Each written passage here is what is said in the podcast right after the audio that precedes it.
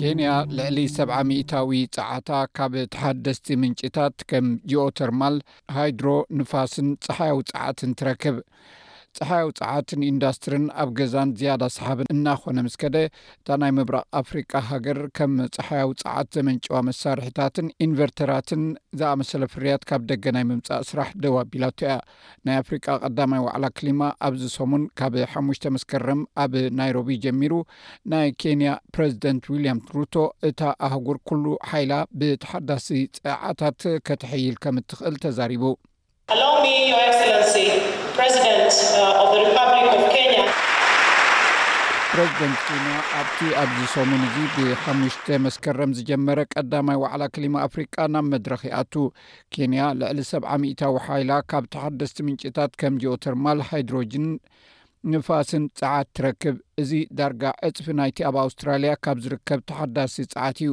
ብመሰረት ኣብዚ ቀረባ ግዜ ዝወጸ ኣሃዛት፣ ናይ ጽሩይ ጸዓት ዋዕላ ካብ ጠቕላላ ሰላሳን ሓሙሽተ ነጥቢ ትሽዓተ ካብ ሚእቲ እዩ።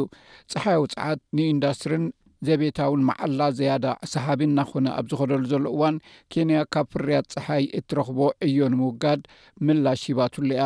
ፕረዚደንት እታ ሃገር ዊልያም ሩቶ ከም ዝገለጾ እቲ ዞባ ብተሓዳሲ ጸጋታት ተጠቒሙ ንኹሉ ሓይሉ ከሐይል ይኽእል እዩ።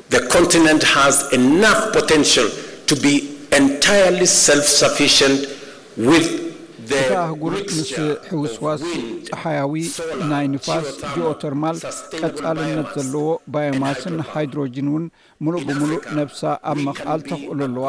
ኣብ ኣፍሪቃ ኣብ ክልተ ሽሕን ሓምሳን ካልኦት ዞባታት ነቲ ናይ ዜሮ ስትራቴጂ ንምዕዋት ንምሕጋዝ ማእከል ሓምላይ ኢንዳስትርያዊ ጸዓት ክንከውን ንኽእል ኢና። መንግስቲ ኬንያ ኣብዚ እዋን እዚ ንመሸጣ ንምትብባዕ ከም ናይ ጸሓያዊ ጸዓት መመንጨዊ ኣምፑላትን ዝኣመሰሉ እትዋታት ናብ ዜሮ እዩ ኣውሪድዎ ዘሎ። ይኹን እምበር ገሊኡ ናይ ፀሓይ ቴክኖሎጂ ተወሳኺ ቀረፅ እዩ ዝኽፈለሉ። እዚ ድማ ሸቐጣት ተወሳኺ ዓሰርተ ሓሙሽተ ሚእታዊ ከም ዝኽፈል ይገብር። በዚ ናብ ሓምላይ ፀዓት ንምኻድ ዝወፀ ወፃኢታት እግሪ ክተኽሉ ኣኽኢሉ እዩ። ይኹን እምበር ብዙሕ ናይ መትከሊ ወፃኢታት እኳ እንተተገብረ ናይ ፀሓይ ፀዓት ዘተኣማምንን ንነዊሕ እዋን ዝፀንሕ ወፃኢታት ግና ከም ኣፍረይቲ ሓፂን፣ ናይ ነዳዲ መኸሸኒ ኣቑሑ ዘፍርዩ ዝኣመሰሉ ኢንዳስትሪያውያን ትካላት ካብ ምስሓብ ዓዲ ወዓለን። እቲ ኣብ ናይሮቢ ዝመደበሩ ትካል ፅሩይ ሓይሊ ፀዓት ኣብዘን ዝሓለፋ ሽዱሽተ ዓመታት ልዕሊ ዕስራን ሓሙሽተን ሽሕ ኪሎዋት ዝግመት ሓይሊ ኣተኣታትዩ እዩ። ኣብ ክሊን ፓወር ራሽሚ ሻህ ዳይሬክተር ክፍሊ ፀሓያዊ ፀዓት ዓማዊል ብዛዕባ እቲ ንመትከል ዘውፅዎ ወፃኢታት ከይተጨነቑ ኣብ ውሽጢ ኣርባዕተ ዓመት ነቲ ፈለማ ዘውፅዎ ወፃኢ ክመልስዎ ከም ዝኽእሉ ይገልፅ።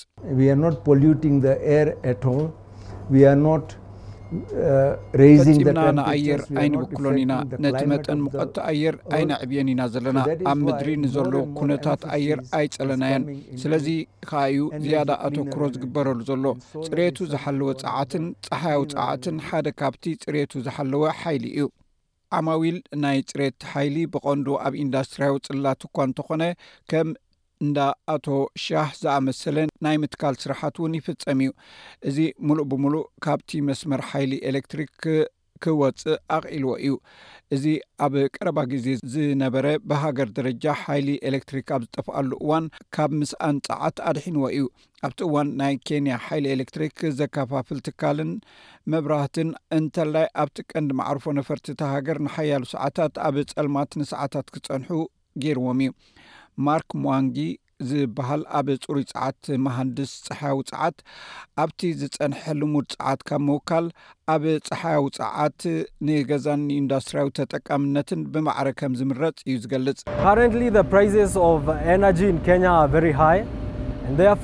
ኣብዚ እዋን እዚ ኣብ ኬንያ ዘሎ ዋጋታት ፀዓት ኣዝዩ ልዑል እዩ። ስለዚ ድማ ነቶም ኣብ ማኑፋክቸሪንግ ኢንዱስትሪ፣ ኣብ ንግድያዊ ትካላት ኣብ መንበሪ ገዛውቲ ፀሓያዊ ፀዓት ክጥቀሙ ነተባብዖም ኣብ ፈለማ ብዙሕ ገንዘብ እዩ ዝኽፈለሉ ኣብ ዝተናውሐ ግዜ ግን ናይ ነዊሕ ግዜ ጥቕሚ ክህልወካ እዩ ነቲ ትጥቀመሉ ዘለካ ገንዘብ ቀረፅን ጉልበትን ንምኽፋል ናይ ኤሌክትሪክ ወፃኢታት ተጠቒምካ ምህርትኻ ናብ ሕርሻን ካልእን ብገንዘብ ዝዓብዩ ፅላታትን ንምስፋሕ ክትጥቀመሉ ኢኻ ኣብቲ ዞባ ዘለዉ ተጠቀምቲ ነዚ ንምትእትታው ኣብ ፈለማ ብዙሕ ወጻኢታት ዝሓቱ እኳ እንተ ኾኑ ካብዚ ምጥቃም ኣየድሓርሓሩን። ባንኪ ዓለም ከም ዝሕብሮ ኣብ ትሕተ ሰሃራ ኣብ ዝርከባ ሃገራት ኣፍሪቃ ካብ ክልተ ሽሕን ዓሰርተን ነጀው ተጠቃምነት ጸሓያዊ ጸዓት ሓሙሽተ ሚእቲ ንኡስ ግሪድ ዝነበረ ኣብዚ ግዜ እዚ ልዕሊ ሰለስተ ሽሕ በጺሑ ኣሎ።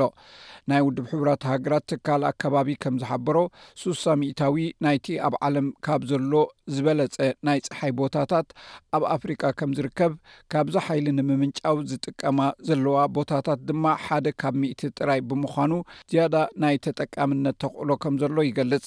ኣብ ጸሓያዊ ጸዓት ዝግበር ወፍሪ እውን ብተመሳሳሊ መጠን እንተቐጺሉ እቲ ኣብዚ ቅነ ኣብ ክልተ ሽሕን ዕስራን ሰለስተን ኣብ ኣፍሪቃ ዝተገብረ ክሊማ ዋዕላ ኣብ ክልተ ሽሕን ሓምሳን ምትፋእ ካርቦን ናብ ኣየር ናብ ዜሮ ንምውራድ ሽትኡ ክፍጽም ክሕግዝ ይኽእል እዩ። እዚ ሬድዮ ስፔስ ብቋንቋ ትግርኛ ዝፍኖ መደብ እዩ።